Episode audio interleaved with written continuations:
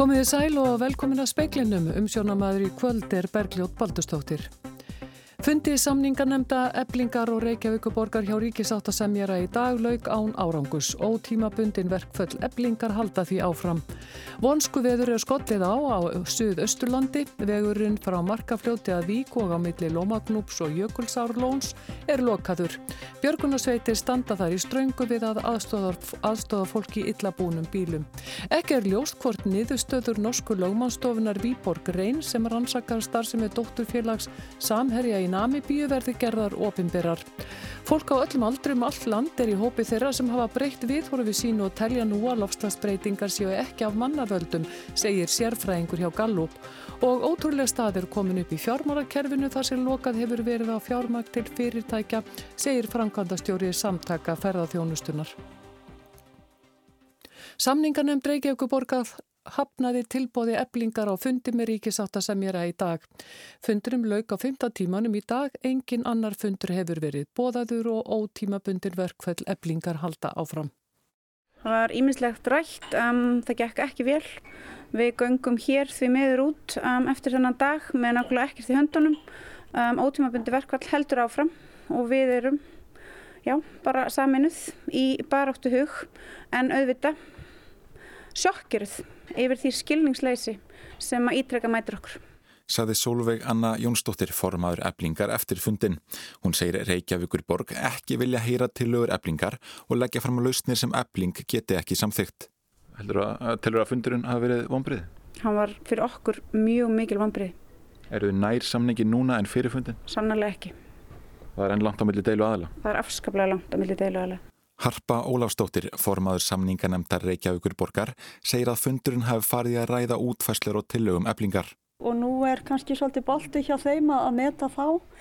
Það er tillögur. Voru lögð fram einhver tilbúð af ykkar hálfu? Já, ég líti ekki á þetta sem tilbúð heldur. Þetta eru samtöl til þess að nálgast einhverja niðurstöðu sem allir aðila geta unnið hérna verið sátti með. En sko náðu þið einhverjum skrefum í átt að samningi? Er staðan önnur núna en fyrir fund? Alltaf þegar við tölum saman að þá eru við að fyrir okkur í þá átt að klára nýja kjara samning. Það er ennþá langt á milli deilu aðila? Það er töluvert langt í milli, ég meta þannig, já.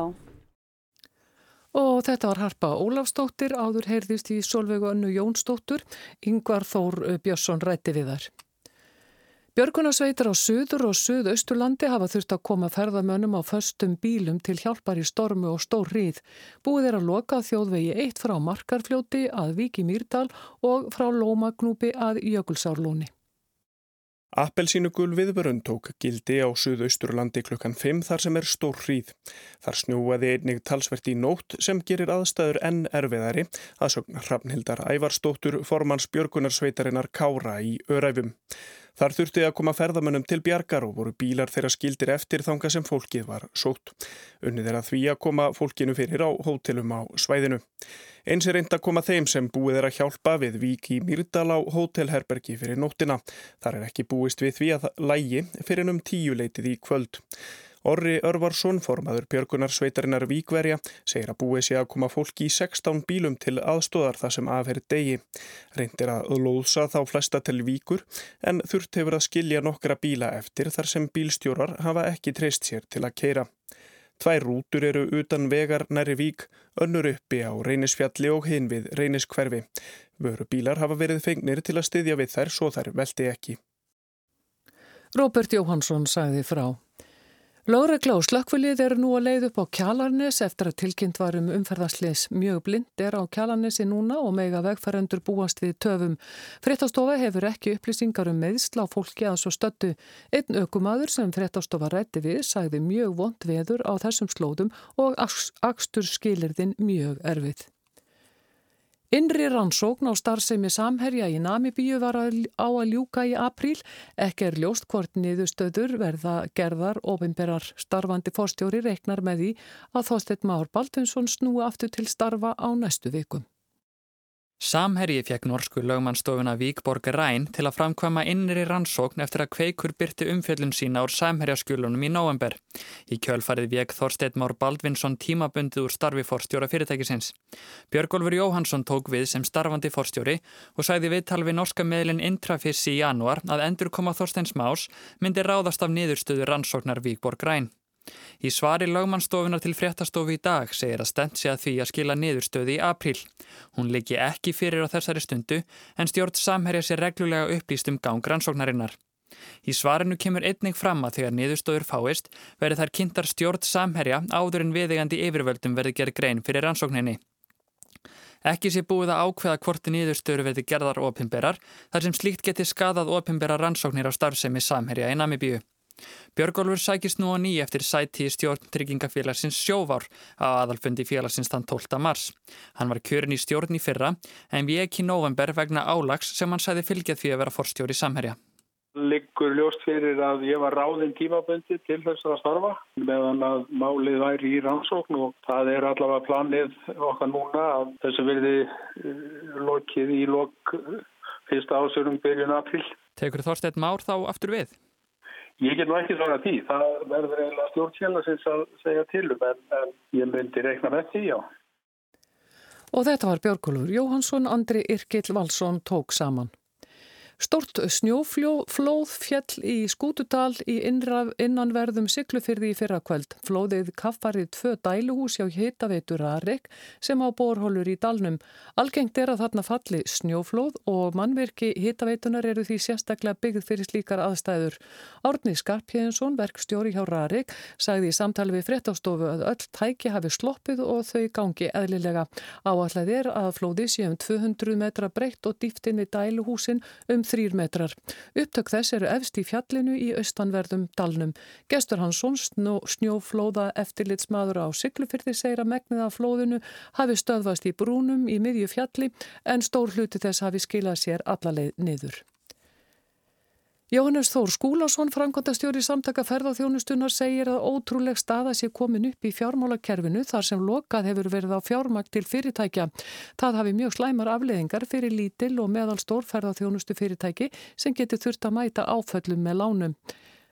Kíverski ferðarhópar hafa afbókað ferðir hingað vegna COVID-19 veirunar og það er ótrúlega staða uppi í, í, í dag í fjármálakerfinu þar sem að það er bara einfallega verið að loka á fjármag til fyrirtækja jafnvel litla fjárhæðir í heildarsamhengi hlutana og uh, það er verður því miður að segjast að það er að stórum hluta vegna þess að, að uh, fjármálareglunar uh, þar að segja reglur um einn fjárhlutfall bankastofnana fyrirtækja og, og hérna og, og slíkar reglur er að vangstífa í rauninni stýritæki Sælabankans þannig að segja vaksta lækkunar ferli Sælabankans sem að menn hafa fagnat mjög það hefur ekki skilað sér í útlánum til fyrirtæki bæði hafa, hefur vaksta álaga á, á útlándi fyrirtækja aukist þvert á þennan vaksta lækkunar fyrir Sælabankans og síðan er bara orðið frost í, í aðgangja fjármagni. Og þetta var Jóhannes Þór Skúlason. Nánar verður rætt við hann síðar í speklinum. Viðhorsbreytingin er almenn og þvert á hópa, segir Ólafur Eliasson, sérfræðingur Gallups um 60% fjölgun í hópi þeirra sem telja lofslagsbreytingar ekki af mannavöldum. Viðhorsbreytingin er almenn, þannig að þetta er bæði þetta er konur og karlar, þetta er á öllum aldri um all land. Þetta virðist að vera að mestuleita einhver almenn viðhorsbreyting.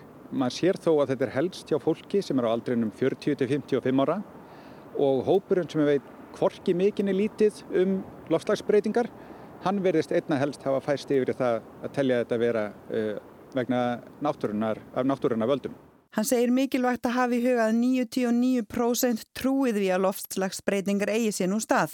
Einnig segis 90% íslendinga vera tilbúin til að breyta hegðun til að venda umhverfið að vega upp á móti loftslagsbreytingum. Hópurinn sem telji loftslagsbreytingar ekki af mannavöldum sé þráttur í það tilbúin til að breyta hegðun. Hann er aðeins minna tilbúin en aðrir en það kannski ennkennist af því að þessi hópur er meiri umhverfisinnar heldur en loftslagssinnar Þessi hópur er mjög tilbúin í aðgerðir ef að það er til þess að vernda Ísland og náttúru þess til lengri tíma. Þannig að niðurstöðuna síndu, 90% íslendinga eru tilbúin í aðgerðir. Og þetta var, uh, sagði Ólafur Elínarsson, Sigriður Dögg Auðunstóttir tók saman. Í könnun Gallups um viðhór fólks til umhverfismála kemur fram að færri telja nú að loftslagsbreytingar séu aðalega mannavöldum eða sambærilega könnun sem gerðar fyrir einu ári. Tæplega 60 af 100 segjast vera óanæð með viðleitni stjórnvalda til að draga úr losun gróðurhúsaloft Konnunin var kynnt á umhverfis rástefnu Gallups í dag með við síðustu konnun kemur fram að örlitir lægra hlutvall telur sig hafa breytt hegðun sinni á síðustu tól mánuðum til að lámarka áhrif sín á umhverfis og lofslagsbreytingar. Fyrir ári sögust rúm 62% hafa breytt hennin mikið eða nokkuð og nú er þetta hlutvall rúm 60 af 100. Flestir telli að helstu áskoranir sem Ísland standi frammi fyrir í dag séu tengdar heilbriðismálum eða rúm 73%. Lofslagsmál eru nú í öðru sæti, rúm 35% segja að helstu áskoranir tengist lofslagsbreytingum og umhverjismálum. Það vekur samt aðtegli að færri telja nú með við konun Gallups í desember 2018 að lofslags áhrifin er síðan mannavöldum. Rúm 48% telja að þau séu aðalega mannavöldum en fyrir rúmu ári töldur ösk 56% að þau veru aðalega mannavöldum. Sama hlutvall er meðal þeirra sem telja þau algjörlega mannavöldum nú og fyrir tólmánum eða tæp 10%. Þetta kemur Efu Rakel Jónsdóttur sviðstöru hjá Ungveristofnun ekki á óvart. Ég vildi segja að það vekti aðtegli mína en það komir ekki á óvart uh, vegna þess að þetta var eitthvað sem mér finnst við hefði getað við hefum getað svona lesið út úr samfélagsumræðinu undan farin tvö ár og ekki bara á Íslandi heldur í heiminum. Um, Það er aukin svona evahyggja í gangi varnandi þessi mál. Að segja að menn setja mjög mikla varnagla á helstu vísindilega niðurstöður og þar á leiðandi á líka leifinningar og skilabóð stjórnvalda. Um, þannig að þetta komir ekki óvart nei. En auðvitað er þetta sko staða sem við eigum bæði að, að taka alvarlega en ekki sko það alvarlega við, við förum í einhverja einhverja lömun sko. Við auðvitað höldum bara áfram okkar vegferð uh, og miðlum réttum og góðum upplýsingum og samlega þeim góðum ráðum. Um, og eh, verðum að, að, að sko horfa til þess að það eru margir sem segjast ekki verið að gera neitt í dag en ástæðin er ekki endilega svo að þau sko hafi ekki trú á því eða svo framvegis heldur bara þeir veit ekki nákvæmlega hver er að byrja. Þannig að hvort sem að, að það er það einhver evahyggja sem hjá þessum hópi sem að stafra því að þau veit ekki nákvæmlega hver að gerast í heiminum og, og áttur þessi kannski ekki á umfangi vísindana eða slíkt eða þá bara það að þau veit ekki nákvæmlega hvaða tæki þau eiga sjálf og, og aðgerð þau að grýpa til. Það finnst mér kannski ekki endilega það sem við höfum að horfa á, heldur við höfum bara að hugsa hvað getum við búið þessum hópi, hvernig getum við tala við hann e, með þeim hætti að hann hlustar og e, e, segja, verður svona hérna, kemst inn í, hann samtakamátt sem við þurfum að halda og gefa hann góð ráð. Annað sem vekur aðtegli er að þó að um 90% séu tilbúin að breyta hegðun sinni til að draga úr lofslagsbreytingum, telja margir að eh, það sem þau geri hafi lítil áhrif. Aðeins rétt rúm með 5% telja þau geti haft eh, mikil áhrif til að spórna við línun, það er 17% telja þau geti haft frekar mikil áhrif. Hins vegar eru svörin allt önnur þegar spurtur um hegðun almennings á heimsvísu. Rösklega 60 af 100 segja almenningur geti haft mjög mikil eða frekar mikil áhrif. Og bendir á að það skorti stuðning frá stjórnvöldum og að stjórnvöld sveitarfjör og fyrirtæki séu ekki að gera nógu mikið. Um 85 af 100 segja stjórnvöldi berað öllu leiti, mjög miklu leiti eða frekar miklu leiti ábyrða á aðgerðun til að spórna við lofslagslínun. 39% eru frekar óanægð með viðleitni stjórnvalda til þess að dragur losun gróðrúsa lofttegunda, rúm 16% mjög óanægð og rúm 4% að öllu leiti óanægð. En kemur þetta að Guðmyndi Inga Guðbransinni umhverjusráðura á óvart eða er hann sammála þessu? Sko ég tel að stjórnvöld sé að gera mjög margt. Um, ég finn hins vegar klárlega fyrir því að uh, oft á tíðum þá kannski er vittneskjan um það mætti vera meiri og þar kannski hallar líka á stjórnvöld að láta vita því sem stjórnvöld er að gera. E, ég nefndi nokkur dæmum það sem við erum að fara að gera sem er svona nýtt til þess að auðvelda meðal annars þegar kemur að úrgangi og plastmálum. Nú við höfum verið að setja meðal annars e, heilmikið fjármagn í að styrkja innviði fyrir rafbílavæðingu og annað slikt. Þannig að það er í rauninni að mínum að þetta er mjög margt í gangi sem að bæði náttúrulega mun taka svolítið tíma að síast inn í samfélagið en ég er hins vegar líka þeirra skoðunar það er alltaf eftir að gera betur. Umhverfis er á þeirra sagða rástöfni í dag að hann myndi fljótlega mæla fyrir lagabreitingum um að flokkur sorfs er þeir samræmd á landsvísu og bannað verðið að urða lífrænan úrgang. 7% af útblæstri sem er á ábyrði stjórnvalda komi frá urðun úrgangs. Þá stýttist í að ímiskonar einnóta plastvörur verði bannaðar hér á landi. Það kemur Efur Akil Jónsdóttur ekki óvart að meiri hluti aðspurðra er óanað með viðleitni stjórnvalda til þess að draga úr losun gróðrúsaloftegunda og annari helmingur telur að Ísland ger á líti til að aðlagast lofslagsbreytingum. Nei, það gerir það í raunin ekki. Ég held að eins og við sáum hann í niðurstöðunum á konuninni sem Gallup búið að framkama að þá eru törnult margi sem að vilja gera hluti í þá umhversins en er ekki byrjar á því og það sem að nefna helst er að þeir veit ekki nákvæmlega hvað þeir eru að gera, eru ekki vissur um að það sem að þeir gera sjálfur hafi áhrif og óska eftir meira stöðningi frá stjórnvöldum og, og hérna sveitafélagum. Þannig að ég held að þetta sé eitthvað sem að við, hið ofinbera, uh, þurfum klálega að taka til okkar. Um, bæði þá að vera að segja betur frá því sem fólk getur umverulega gert í dag og bjóða upp á uh, sífælt fjölbættara leiðir, eitthvað sem fólk getur þá sjálft tekið sér fyrir hendur eða jafnvel fyrirtæki uh, og atvinnulífið. Er það á dasgrá? Það er alltaf að aukast. Við erum auðvitað bæði að fá inn ákveðna aðgerði sem kom inn í gegnum Európuregluverk sem við þurfum að innleiða sem mun hafa afleðingar í förmessu og fólk mun finna fyrir auknum breytingum bara á næstu árum. Sérstaklega til að mynda er varða úrgangsmál. Það mun margt breytast á næstunni.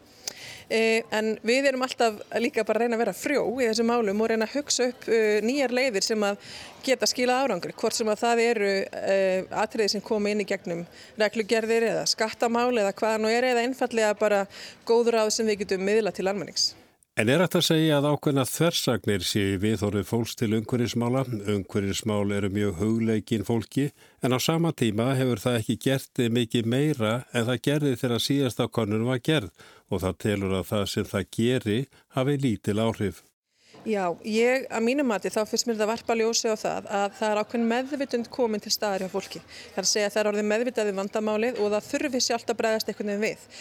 En að samaskapu held ég að það sé kannski ekki búið að gera neitt ofsalega mikið. Það er kannski byrjað á svona þessum minni atriðum, það er byrjað að flokka hjá sig, það er byrjað að hugsa út í matasón, það er ekki endilega að byrjað að bregðast mjög mikið við og dragur matasón uh, og það er kannski farið að veltaði fyrir sér að næst eða kaupir nýjan bíl ætlaði kannski kaupa ramaspíl. Þannig að vitundin sé um það bíl komið þangað bara mínum mati um, þannig að ég held að, að það sé bara mjög sko, frjór og góður jarfur fyrir okkur til að vinna á. Þess að þá er fólk ákveðið komið á orðið ákveðið tilbúið til þess að gera breytingar þó að sé ekki endilega komið að þeim. Þannig að fólk áða til að ofmeta svolítið eigin framlag þegar það er að, að, hérna, að tala um þetta og bera sér saman við aðra.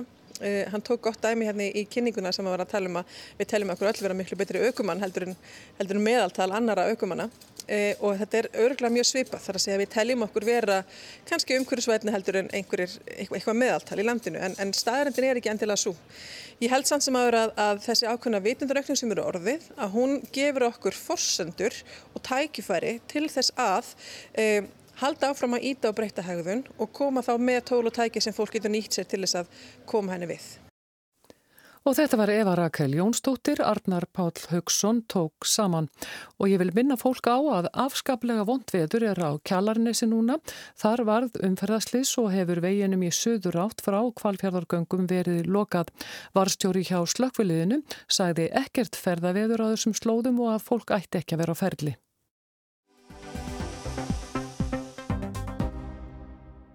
Jóhannes Þór Skúlason, framkvæmdastjóri samtaka ferðáþjónustunar, segir að hópar kínverskra ferðamanna hafi undanfarið afbókað komur sínar hinga til lands vegna COVID-19 verunar. Áhrif þessa á fyrirtæki ferðáþjónustu eigi eftir að koma í ljós en mörg fyrirtæki hafi þegar fundið fyrir samdrætti í ferðáþjónustunni og það sé því bagalegt að lítil ferðáþjónustu fyrirtæki fá ekki lengur fyrirgreðslu í böngunum. Ferðamönnum hefur fækkat um 13% milli ára og munar mest um bandaríkjumenn sem voru tæplega 40% færri í januar en árið áður. Kínverjum hefur hins vegar fjölgat um tæp 26% milli ára en áhrif COVID-19 koronaveirunar er ekki farða gæta í þessum tölum. Jóhannes segir að sett hafi verið banna á ferðarlög kýmverja eftir að faraldurinn braust út. Og það hefur haft sín áhrif hér, hópar hafa verið afbóka. Og það hefur komið sér ídla fyrir mörg fyrirtæki sem að hafa nýtt þetta kínverska nýjár sem að er þarna í februar um, og hefur verið tölverið ferðartími til þess að fleita sér yfir þennan punkt fram að háinn og milli jóla og háanar yfir sumarið. Og svona það get, hefur valdið tölverið vandraðum hjá, hjá eins og fyrirtækjum. Er eitthvað að vita hvað uh, þetta eru margir sem hafa afbóðað eða mörg, margir hópar? Nei, það er enginn sem heldur saman einhverjum heldartölum um það en við heyrum bara frá okkar félagsmönnum að þetta, þetta veldur sumum vandraðum og það fer í rauninni algjörlega eftir því hvað fyrirtækin eru mikið að vinna innan þennan kínverska hópamarkað. Eins og stendur virðist þetta ekki verið að fara að hafa mikil áhrif út fyrir það. Eh, við náttúrulega getum líka hort til þess að, að þetta getur orðið til þess að, fólk annar staðar í heiminum hætti viðferði til Asi og velji sér aðra áfangastæði þannig að það er, getur vel verið að einhverju þeirra komið til Íslands í staði þannig að það er, það er mjög, mjög flókið að segja til um hvaða áhrif þetta getur haft en jú, klárlega getur þetta orðið til þess að það fækki eitthvað í hópnum. En það getur líka orðið til þess að breyta samsetningunni og þetta vitum við í rauninni ekki fyrir en bara í loka ársins sko. Hvernig hefur uh, sko, þessi fækkun ferðamanna hér uh, komið niður á ferðarþjónustunni? Uh, væntalega hefur hún verið eftir fallvá mest? Jú, það var, ég rauninni má segja að árið í fyrra hafi svona, hvað var það, fjöldan komið út svipað og við áttum vona þegar það var fjall í mars, þar að segja þá spáðu við því að þetta er um 14% fækkun á árun og það gekk nokkurnu einn eftir. Eh, hins vegar var það mjög ánægilegt að verðmætti á hvern ferðamann eh, jógst árinu frá því árið áður. Og það hefur að hluta til að gera með, með breytingar á, á eh, því hvernig Æslandir hefur hagað sínum nýtt sveianleikan í sínu kerfi. Þeirra farþegar það hefur sínt sig að þeirra farþegar eru, eru komið heldur meiri verðmætti til landsins heldur en farþegar marga annar flugfíla og uh, þannig að, að þegar Æslandir flutti 30% fleiri farþega til landsins, til landsins á, á, á síðast ári heldur en árið þar áður þá, þá uh, hækkaði það verðmættin þannig að verðmættin í raunni sem kom inn í gegnum ferðarþjónastuna minguðu ekki jafn mikið og fjöldin og það sýnir okkur það náttúrulega að það að móka inn fjöldaferðamanna er ekki markmiði sjálfu sér, það eru fyrst og fremst verðmættin sem við erum að horfa til til þess að búa til hér, hér verðmætti í atvinnugarinnu, verðmætti fyrir, fyrir samfélagið. Og eh, það er það sem við eigum að, að vera, vera fókus á. Við vonumst til þess að þessu ári að þá verði niðurstaðin í loka ás kannski svona svipuð, e, mögulega örlítið minni eða örlítið meiri heldur en, heldur en e, á síðast ári. Þannig að við eigum ekki vonun eitt gríðarlega miklum söplum frá síðast ári. Eru þá þessi ferðarmenn að skilja meira eftir af peningum hérna? Já, í rauninni. Og, hérna, og það hefur kannski að hluta til að gera með það þegar að fækkar flugum frá lággeldaflugfélugum að þá fækkar þeim farþegum sem að koma kannski einungis vegna þess hvað miðin er ódýr.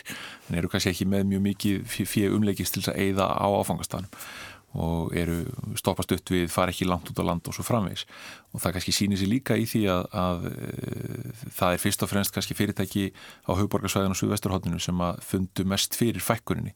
E, en ferðamenninni sem voru að koma hér til þess að stoppa lengi margar nætur, fara langt út á land og svo framvegs að þeir heldu áfram að koma. En hvernig uh, sko uh, koma ferðarþjónustu fyrirtækin út núna, þessi smarri, þú hefur nú verið mhm. aðeins að tjá þig um Já. það stöðu þeirra.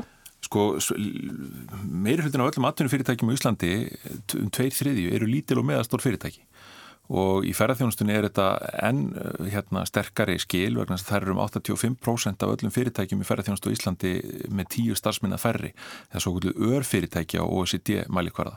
Þau ná ekki eins og vera smáfyrirtæki og, og hérna, þannig að, að þessi fyrirtæki eru rauninni mjög háð því að þessum, þessum ástíðasöflum og þau þurfa mm, að hafa svolítið stöðugan eh, tekjugrunn og það er mjög erfitt fyrir þau í, í þessum business Eh, hann er mjög ástíða söflukendur og það þýðir að þau þurfa að hafa aðgang til dæmis og það sem ég hef verið að vekja aðtíkla á til dæmis núna, þau þurfa að hafa aðgang að fjármagni til þess að bæði að til uppbyggingar, til nýsköpunar og vöruþróunar, til þess að, að e, búa til nýjar vörur, eh, ráða sér starfsfólk til þess að þróa það sem þau eru að gera byggja við fimm herbergi við lítið hótel, þetta er svo margt sem er svona þarf kannski ekkit mjög stórar fjárhæðir í en getur reynst litlum fyrirtækjum mjög erfitt eh, ef það hafi ekki aðganga fjármagni.